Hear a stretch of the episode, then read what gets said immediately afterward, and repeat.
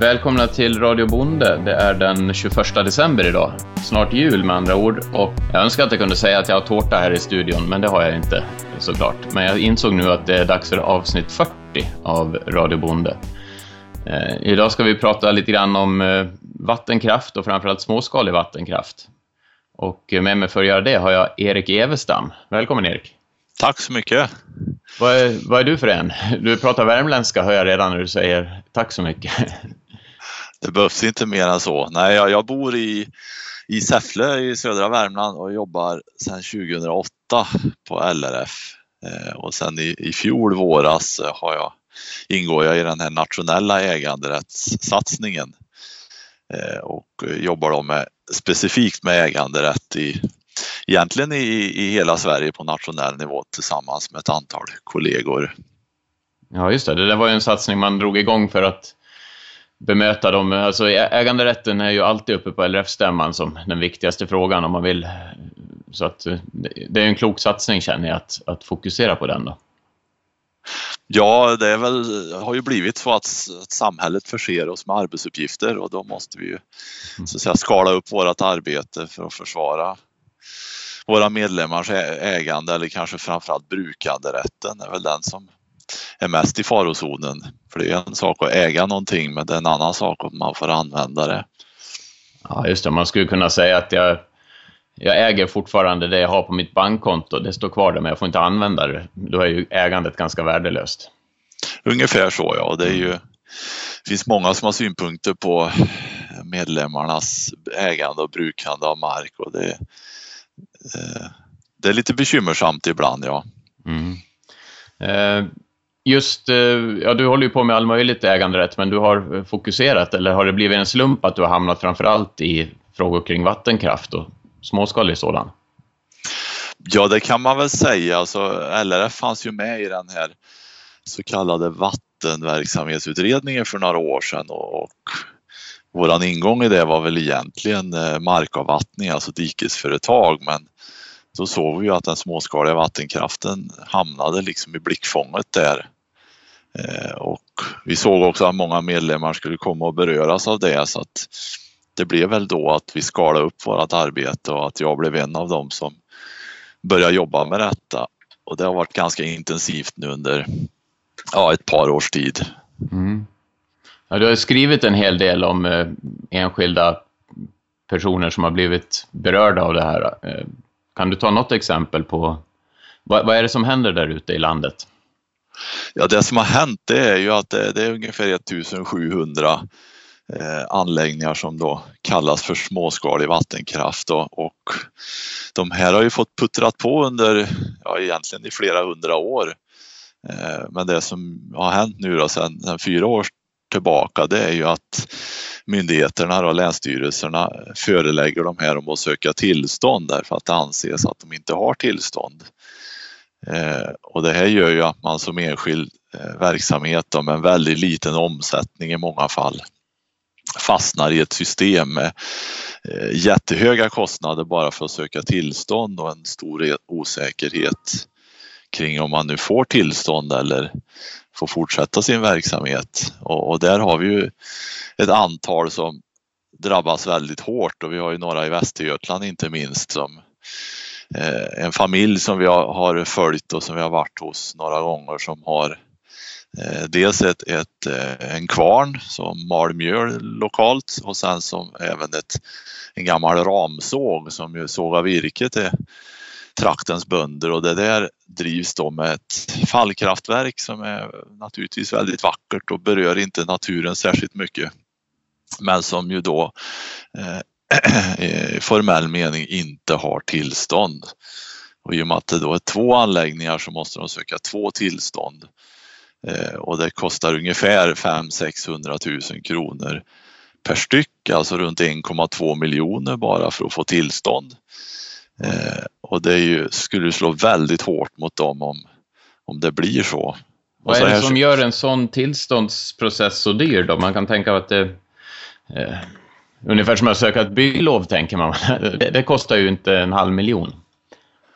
Nej, och det är ju dels det är, det är fullskaliga miljökonsekvensbeskrivningar som behövs och, och alla parter som finns som är berörda, alltså även miljöorganisationer, myndigheter eh, kan då så att säga göra sin sak eh, hörd på sökandens bekostnad.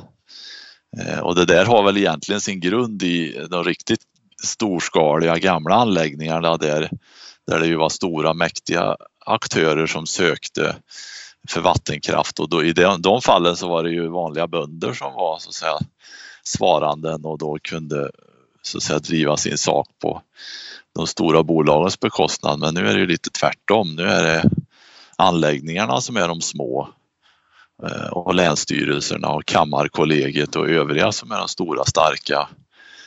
Eh, och sen vet man ju inte om de får tillstånd heller och man vet heller inte vilka villkor de kommer få tillstånd för. Okej, okay, så i, i, bästa scenariot så kostar det bara den här halva miljonen att få tillståndet, men tillståndet kan innebära att ja, du får tillstånd om du gör de här insatserna som bara en för sig kan kosta mer än en halv miljon så att säga. Ja, och då vet man ju som sagt var inte är det liksom en, en fiskvandringsväg som krävs eller är det något annat. I det här fallet då, i, i, som jag beskrev nyss så har de ju själva räknat ut att de skulle kunna miljö, göra miljöåtgärd på ja, 60-70 000 kronor för att förbättra eh, vandringsvägarna ytterligare. Men ändå så är det då tillståndet som är det stora fokuset från Länsstyrelsens sida och det tycker vi är väldigt märkligt att man så att säga fokuserar på det administrativa och inte på det praktiska miljöarbetet då. Nej, ja, just det. Man, eh, man vill, eh, det, det måste gå den här formella vä vägen och då, då drar kostnaderna iväg. Och då, det, det, är ju en halv miljon som man då inte kan göra miljö, eh, ja, underlätta fiskvandring för till exempel. Eftersom man har betalat dem för, för byråkratin bara. Ja, så är det och det, det är en väldigt avancerad Eh, kostsam och det är ju, det är form, alltså systemet är ju format utifrån de jättestora dammarna, jättestora kraftverken. Och det är klart, då är inte en halv miljon eller en miljon särskilt mycket pengar men när det nu är samma regelverk i stort sett då, som ska appliceras på små verksamheter då blir det ju eh, väldigt eh, konstiga effekter. Ja, vad är vad är alternativen då? Om man inte, alltså de här anläggningarna har då anses vara utan tillstånd och då, då säger, ja det beror på hur man väljer att lägga orden, men några säger att då är de olagliga, du har en olaglig anläggning här. Vad är alternativet då för den här familjen att, med, med sin kvarn och sin såg? Om de, in, om de säger att vi har inte råd att söka tillstånd? Ja, alternativet för, för dem då generellt är att man då måste söka tillstånd för att riva ut anläggningen Eh, och då är det också en tillståndsprocess. Eh, den kostnaden kan ju variera lite mer då, beroende på hur det ser ut. Men du kan så att säga i princip inte så att säga, stänga dörren som du kan göra med andra företag. Eh, låsa dörren och göra något annat av din tid utan du, du måste i princip ha, du har ju fortfarande ansvar för det rinnande vattnet och för den anläggning som då är olaglig.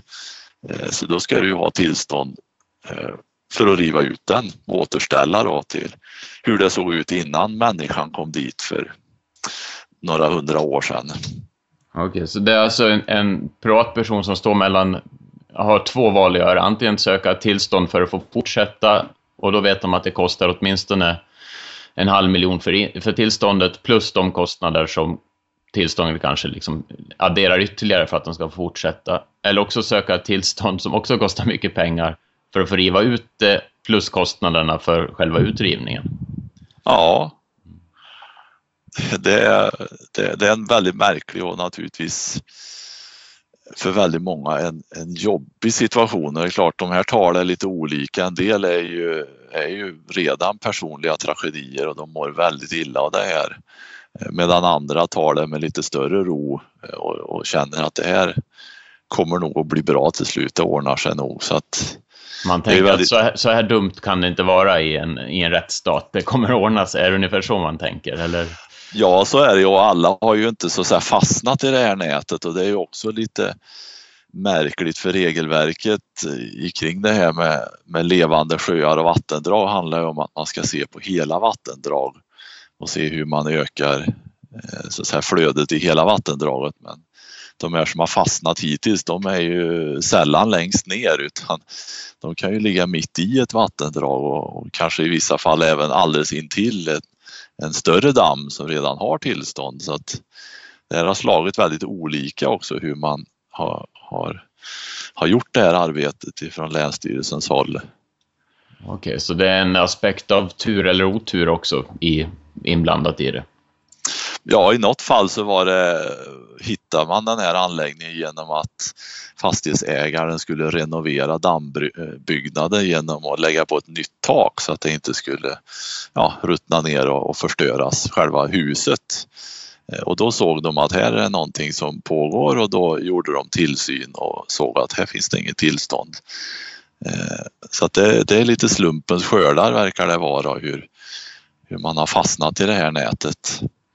Men, men det jag tycker är lite märkligt att, jag menar, under modern tid, om vi bara liksom, eller modern tid, nästan eh, omodern tid också, så har det ju ändå funnits någon form av reglering för hur man får dämma och vem som får och, och sådana saker.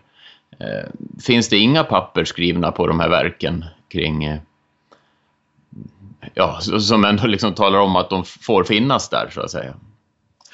Det gör det ju i de flesta fall och det är ju där som de så att säga åläggs att visa upp och då får de ju gå bak i registren och hitta privilegiebrev och, och så kallade äldre rättigheter för det är ju, det är ju som du säger, det här är ju noggrant reglerat. En gång i tiden så var det ju kungen som kommenderade fram den här verksamheten och det som man väl mest modern tid är ju 1918 års vattenlag som en del hänvisar till. Då.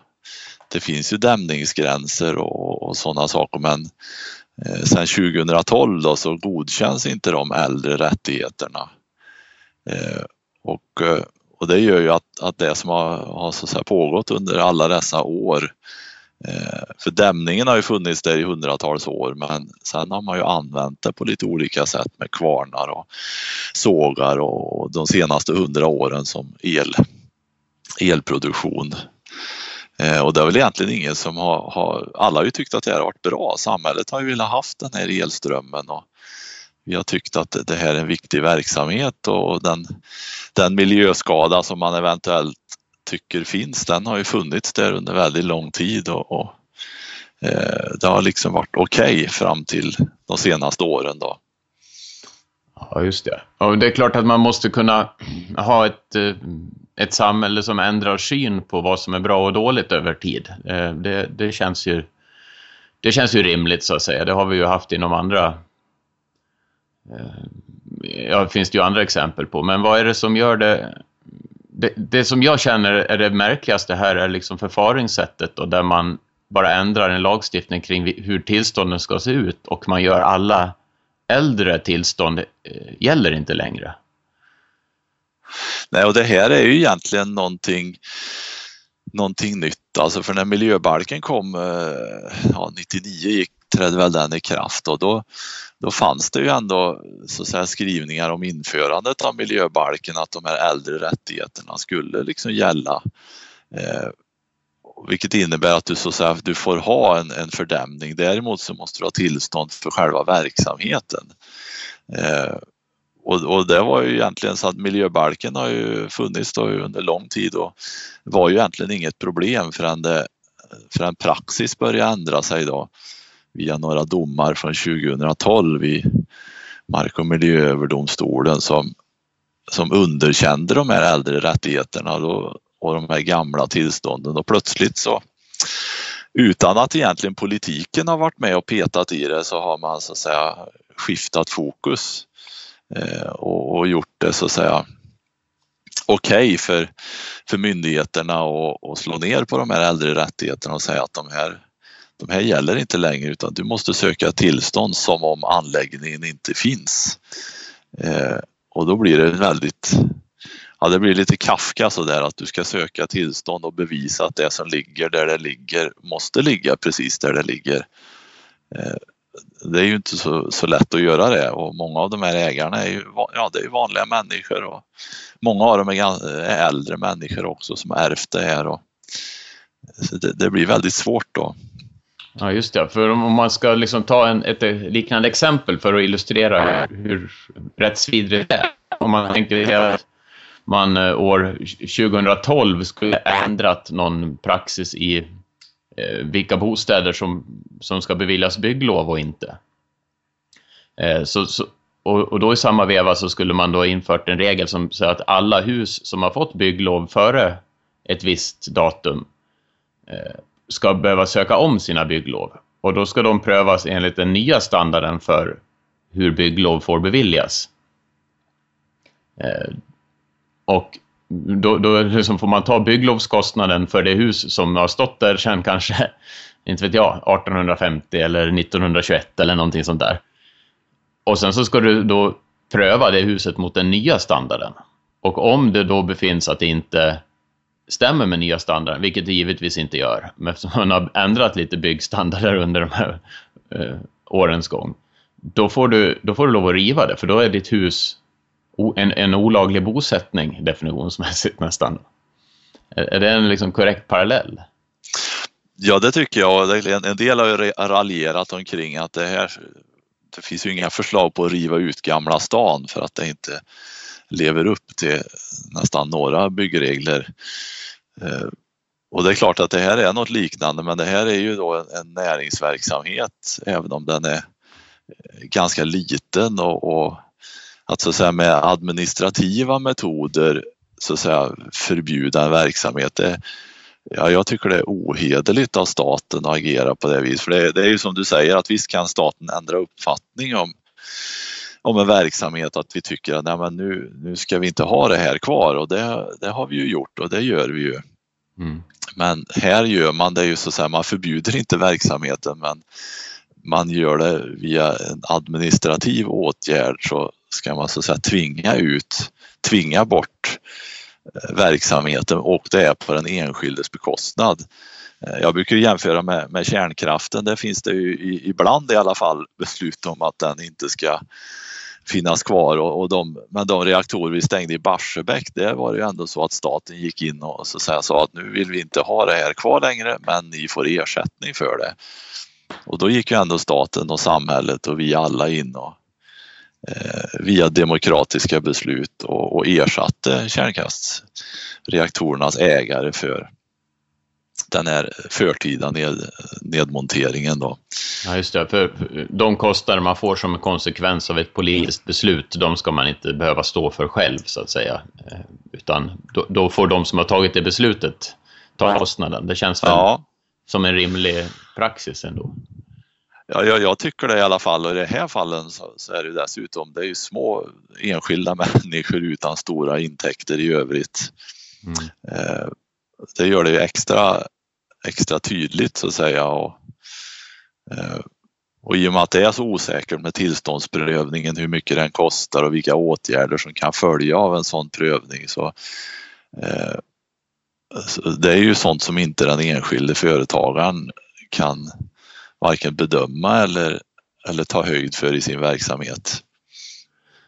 Nej, det, det, skapar ju ett, eh, om man tänker sig för fram, ett framtida investeringsklimat, om man vet att det här blir någon form av praxis som kanske då ska tillämpas även inom andra områden, så, så är det klart att man, det adderar ju ett enormt mått av osäkerhet för alla typer av investeringar.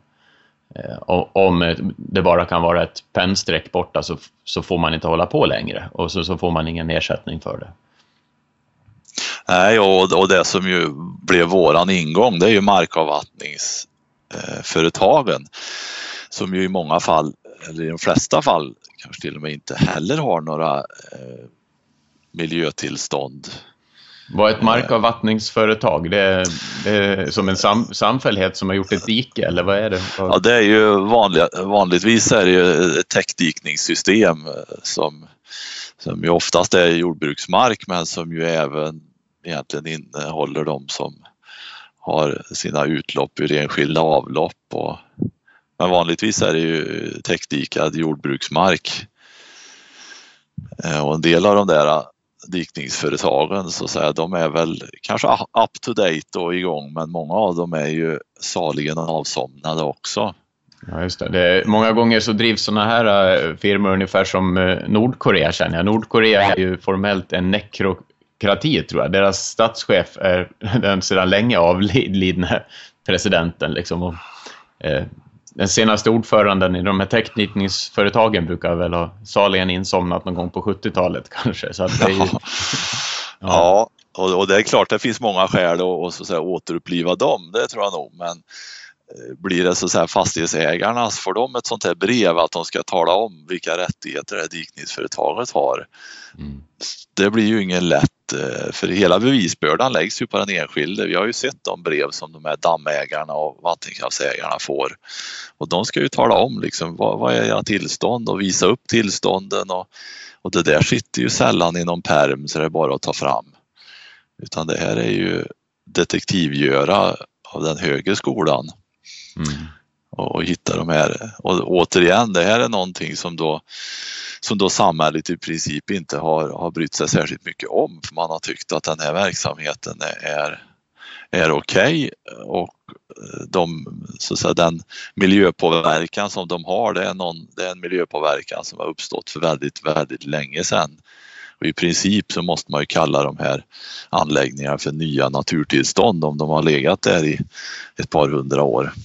Ja, just det. Det bildas en biotop som eh, som är så att säga stabil ovanför och nedanför den dammen. Med, med djur och växter och sånt som, som har hittat sin ja, bra biotoper där helt enkelt.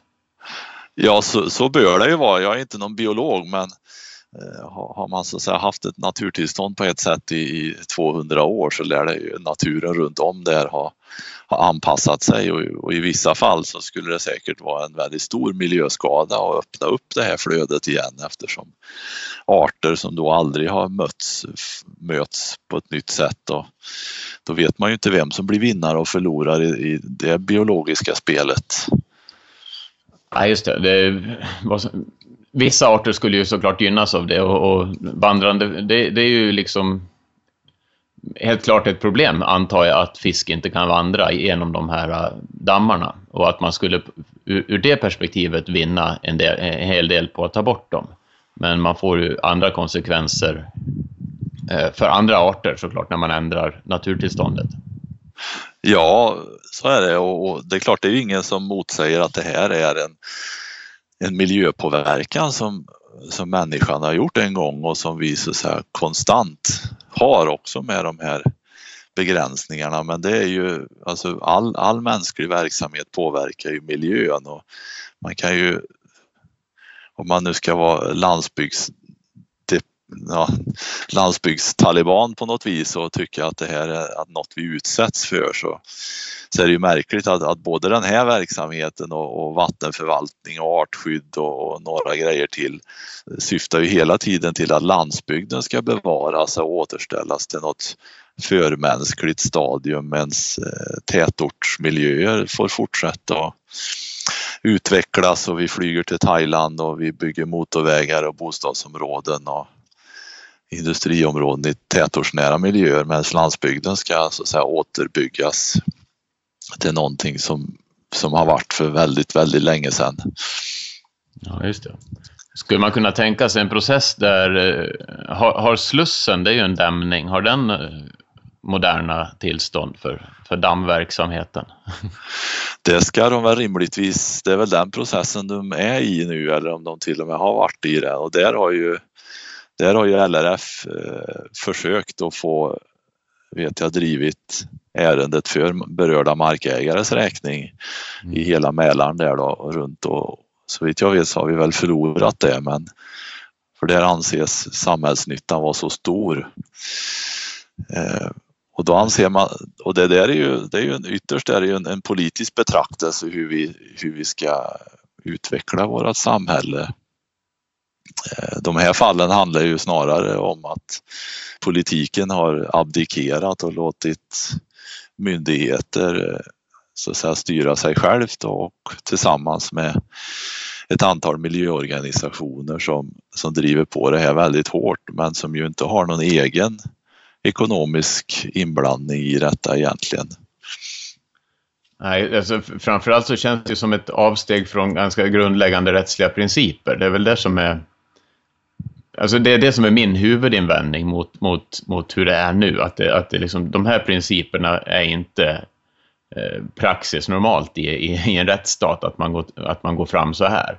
Eh, många, många tror ju att det handlar om Ja, men är du då emot att, att det ska finnas fria fiskvägar till exempel? Nej, det, det har jag absolut ingenting problem med, utan det, det handlar snarare om hur man uppnår det på ett rättssäkert sätt. Ja, det, det, tycker jag. Jag tycker att, att, diskussionen har blivit väldigt ensidig just kring, kring att, att man betraktar den, de här verksamheterna som eh, att samhället äger dem. Jag var på ett sånt dialogmöte kring, eller så kallat dialogmöte kring vattenverksamheter och där diskuterar man alla de här anläggningarna och liksom hur ska vi riva ut dem och i vilken takt och hur ska det gå till och sådär. Man reflekterar inte över att alla de här anläggningarna, i stort sett alla i alla fall, ägs av, av någon person eller några personer. Eh, och, och, jag kan ju också, visst är det nu så att samhället tycker att den här verksamheten är så skadlig så, så är det väl egentligen så att säga bara inom citationstecken för samhället att lösa in samtliga anläggningar och då kan man ju mixtra med dem som man vill. Eh, men jag tycker inte att det är rättssäkert att man så att säga, teoretiskt diskuterar om någonting som man faktiskt inte äger. Eh, det strider ju mot äganderättens principer och det strider emot hur vårt rättssamhälle fungerar och framförallt då när det inte finns någon, det finns inget politiskt beslut om att vi ska lägga ner all småskalig vattenkraft. Eh, och fattas ett sådant beslut i riksdagen, ja då får vi ju någonstans acceptera det och då får vi också som skattebetalare vara med och finansiera verksamheten men intill dess så så tycker jag att då, då kan man inte göra så som man gör just nu. Nej, så ett korrekt sätt att hantera det vore att, att eh, det blir ett riksdagsbeslut på att eh, avsätta x antal miljarder kronor för det här, för att få bort det. Eh, man räknar ut hur många då utav kraftverken skulle vi kunna, ja det, det blir väl i princip en expropriering då i, i, i, i, ytter, i ytterligheten och sen eh, köper man dem och sen så river man ut dem som man då har köpt. Ja, det är ju om man nu ska förhålla sig iskallt till detta så, så är det ju så. Sen i, i diskussionen som föranleder detta får man ju fundera över, ska vi ha ett, ett hållbart energisystem utan klimatpåverkan till exempel? Mm. Eh, det måste man ju också resonera omkring då. EU har ju sådana mål och energiöverenskommelsen som ju ska lägga sitt slutliga förslag här i januari kommer ju att säga att de ska ha fossilfritt till 2040. Eh, vattenkraften är ju då en av de grejer som lyfts fram där. Eh, och då är ju inte den småskaliga är ju inte den mest betydande naturligtvis men den kan ju växa i omfattning även den med uppgraderingar och så. Mm. Ja, just det. Och man får certifikatspengar för renoveringar av gamla verk och saker. Ja. Det känns lite som att det drar åt två olika håll när man dels å ena sidan eh, har ett utrivningshot hängande över sig och å andra sidan får stöd för att renovera upp eh, kraftverken eh, från samma, från, från samma liksom håll. Det känns konstigt. Ja, ett tag så var det, fick man ju, de, jag vet inte om det finns sådana pengar just nu, men det fanns ju investeringsstöd för småskalig vattenkraft för att uppgradera anläggningen. Mm.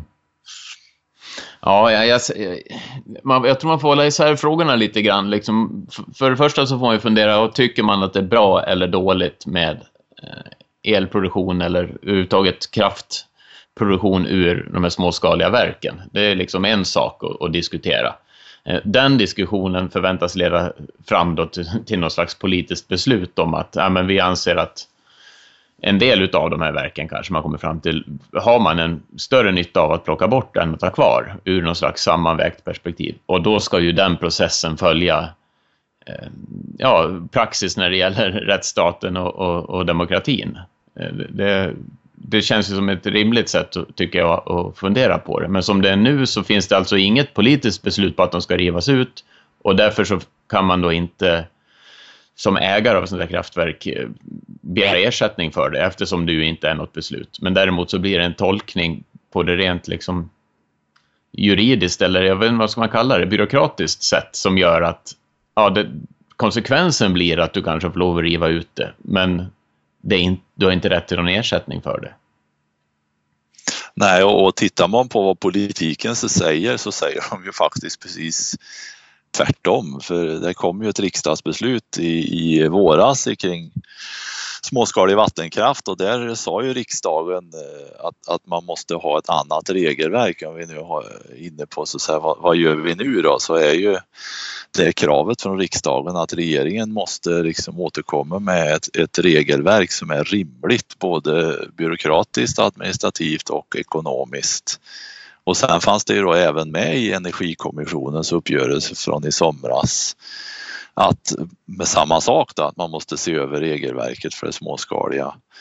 Så att det, det finns egentligen inget, det finns inget eh, demokratiskt försvar eller inget demokratiskt valda riksdagsledamöter har, har så att säga inte uttryckt någon sån åsikt om att det här ska rivas ut på det sättet som nu sker. Okej, okay, men då känns det ju som att när politikerna blir informerade om att det här ändå pågår, eh, väldigt många privatpersoner, eh, familjer ute på landsbygden har liksom både ett ekonomiskt och även psykologiskt helvete att, att hantera. Eh, borde det inte ligga väldigt högt upp på agendan då från politikerna att se till att nej, men så här kan vi inte fortsätta, vi måste fixa till det här. Eh, har, har du fått några signaler på hur, hur man jobbar vidare med det?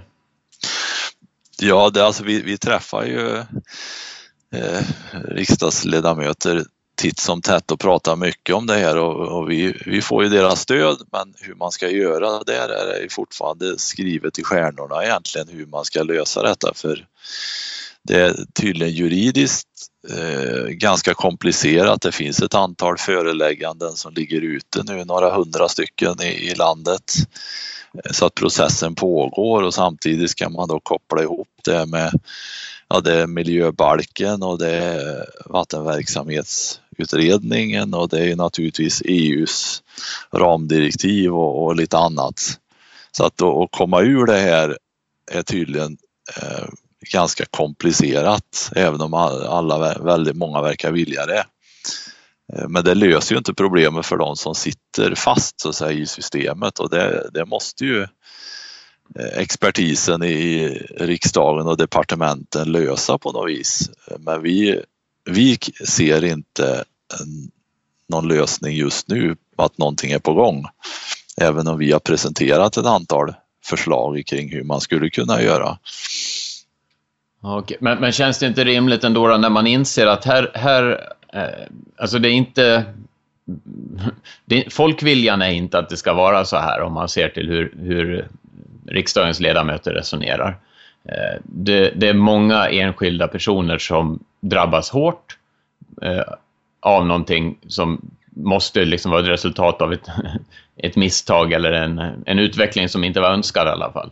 Ja, hade man inte kunnat köra ett moratorium eller liksom bara, men vi pausar alla de här processerna som inte liksom orsakar en personligt lidande och sen tänker vi ut det här till två år, om två år eller någonting. Skulle man kunna tänka sig en sån lösning? Ja, vi menar ju på att det, det, är någonting sånt som man måste göra för det är ju så att säga ingen, det är ingen akut miljöskada som pågår där ute eh, på landsbygden utan det här, det här kan väntas att vi får ett hållbart och bra system. Eh, det behöver inte ske 2017 eller ens 2018 för det händer ingenting. Eh, det händer ingenting där nu som inte hände för 20 år sedan eller 50 år sedan. Mm. Eh, så att det finns tid, man behöver inte ha så bråttom som man nu har utan man måste ju pausa de som ligger ute. Om det sen då är en moratorielag eller om det är något annat som ska ske, det, det, är inte, det krävs nog avancerade jurister att svara på det men någon, på något sätt behöver man pausa den här processen så att vi kan få ett system som är, som är hållbart både juridiskt och praktiskt och ekonomiskt eh, och miljömässigt. Mm. Ja, det, usch, jag blir alldeles eh, så här, så här ryser. Jag tänker liksom att fan, hur, hur, hur man tror att man har liksom en, en rättsstat som ska skydda eh, liksom både det allmänna intresset och, men även den enskilda personen. När det kan gå så här snett och man ser att så många blir, blir så hårt drabbade och sen bara för att det så att säga, är komplicerat så, klarar, så tar, klarar man inte av att rätta till det. Och under tiden så, så fortsätter processen att pågå där ute. Ja, vi har ju alltså de här anläggningarna utöver att de är själva anläggningar så är de ju dessutom i de flesta fall skulle jag säga kopplade till en privat bostad och, och andra byggnader. Så att eh, det hör ju ihop. Och har man inte råd med de här kostnaderna och en del har då dessutom blivit vitesförlagda så att söker de inte tillstånd så får de böter från staten på ganska stora belopp. Eh, och kan de inte betala, ja då är det ytterst så att det är Kronofogden som får komma och göra utmätning på deras privata tillgångar i och med att det hör ihop med deras privata fastighet. Mm. Eh, och återigen, alltså vilken miljöskada motiverar eh, så kraftfulla insatser från staten att Kronofogden kommer till de här. Alltså det, det, jag kan inte se något försvar till det. Det vore skillnad om det är ju inte så att de står och tömmer ut arsenik i de här vattendragen varje dag. För det är nästan så den bilden som som man får framför sig när man ser hur allvarligt man tycker att det här är. Ja, ja, det var... På, på något sätt så känner jag att, eh, att vi har... Ja, man blir ju lite deprimerad, eller lite deprimerad, man blir väldigt deprimerad. Men eh, vi tror väl ändå, vi ska väl vara goda demokrater och tro gott om människor att att det kommer att bli någon ordning och att de som, eh, de som blir drabbade får någon ersättning så att vi skulle kunna göra en, en bra miljöinsats utan att folk ska behöva gå från hus och hem.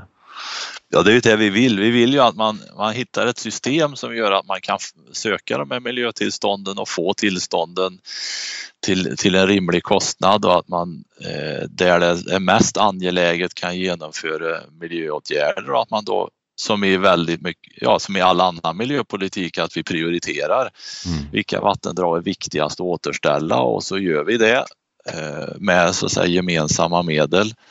Eh, och då får vi ju verksamhet som håller och, och i den mån som verksamhetsutövarna då går in och lägger egna pengar i detta så borde ju det kunna kombineras med att man också kan uppgradera sin anläggning. Eh, så att man kan producera mer. För idag är det ju ingen som törs investera i de här anläggningarna i och med att verksamheten är så osäker.